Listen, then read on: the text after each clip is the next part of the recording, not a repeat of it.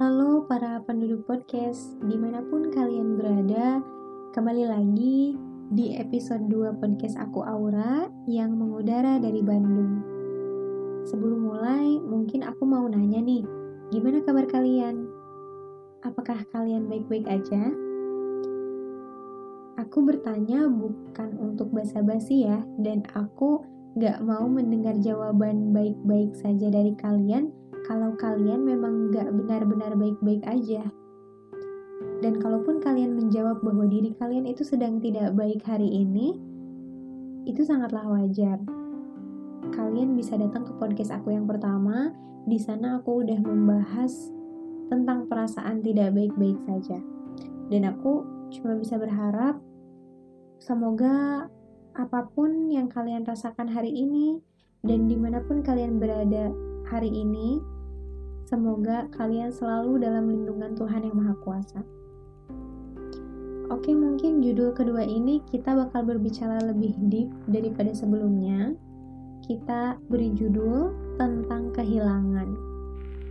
Dan sebelum kita bahas tentang perasaan kehilangan itu sendiri, uh, kita boleh mulai deh dari membayangkan suatu adegan di otak kalian gitu uh, di mana kalian sendiri ada di dalam scene tersebut kalian terbiasa untuk menyendiri dari keramaian untuk melakukan segala sesuatu hal sendiri dan suatu hari datang seorang teman yang paling klop sama kalian teman paling favorit, paling kalian sayangi dan paling kalian cintai. Dia hadir di kehidupan kalian saat itu, membuat kalian senang, bahkan kalian lupa gitu betapa lelahnya menjalani kehidupan itu sendirian. Tapi ternyata itu nggak berlangsung lama dan ketika matahari mulai tenggelam, teman itu pamit untuk pulang. Dan setelah teman itu pergi, keadaan kalian sama seperti semula, sendirian itu adalah salah satu perumpamaan kecil dari seluruh kehidupan kita. Di kehidupan ini ada beberapa hal yang memang di luar kendali kita. Salah satu contohnya seperti adegan tadi. Ketika ada orang yang datang ke kehidupan kita tanpa permisi, mereka juga bisa pergi tanpa pamit. Itu berlaku untuk semua orang semua orang yang ada di dekat kamu, baik itu yang hanya dekat maupun yang sangat dekat, cepat atau lambat, mereka pasti akan pergi dengan alasan mereka masing-masing dan cara mereka masing-masing. Bahkan adegan yang tadi kita bayangkan itu bisa membuat kita sadar loh. Sebenarnya tidak membutuhkan waktu lama untuk pamit dan untuk mengucapkan selamat tinggal itu tuh nggak sampai satu menit. Tapi ketika kita merasa kehilangan, itu membutuhkan waktu yang lebih lama daripada untuk sekedar mengucapkan selamat tinggal. Untuk sembuh dari rasa kehilangan itu sendiri, ada bahkan orang yang membutuhkan waktu sampai berhari-hari, berminggu-minggu, bahkan bertahun-tahun tapi nyatanya kita memang gak bisa mempertahankan dan memaksa setiap orang untuk tetap ada di kehidupan kita. Kalau kata orang, setiap orang ada masanya dan setiap masa ada orangnya. Mungkin kalian hmm, mungkin kata-kata itu bakal terngiang-ngiang di diri kalian ketika kalian memang sedang merasakan perasaan kehilangan itu.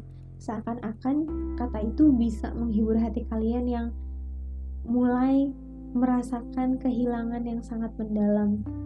Tapi sebenarnya kata itu sendiri bukan bermaksud untuk menghibur, tapi kata itu berusaha mengajarkan kita bahwa kehilangan itu harus kita terima, mau maupun kita tidak mau memang belajar untuk menerima kehilangan itu tidak mudah, apalagi orang-orang yang memang sudah menanamkan kenangan yang cukup dalam di dalam hati kita sendiri. Mungkin dalam kenangan itu, maka semakin sulit kita merupakan orangnya. Tapi ada hal juga yang memang kita sadari bahwa sebenarnya kehilangan itu nggak bisa kita hindari. Bahkan di umur kita yang saat ini, mungkin kita sudah mengalami kehilangan yang cukup banyak. Hanya ada kehilangan yang kita sadari dan ada kehilangan yang kita tidak sadari.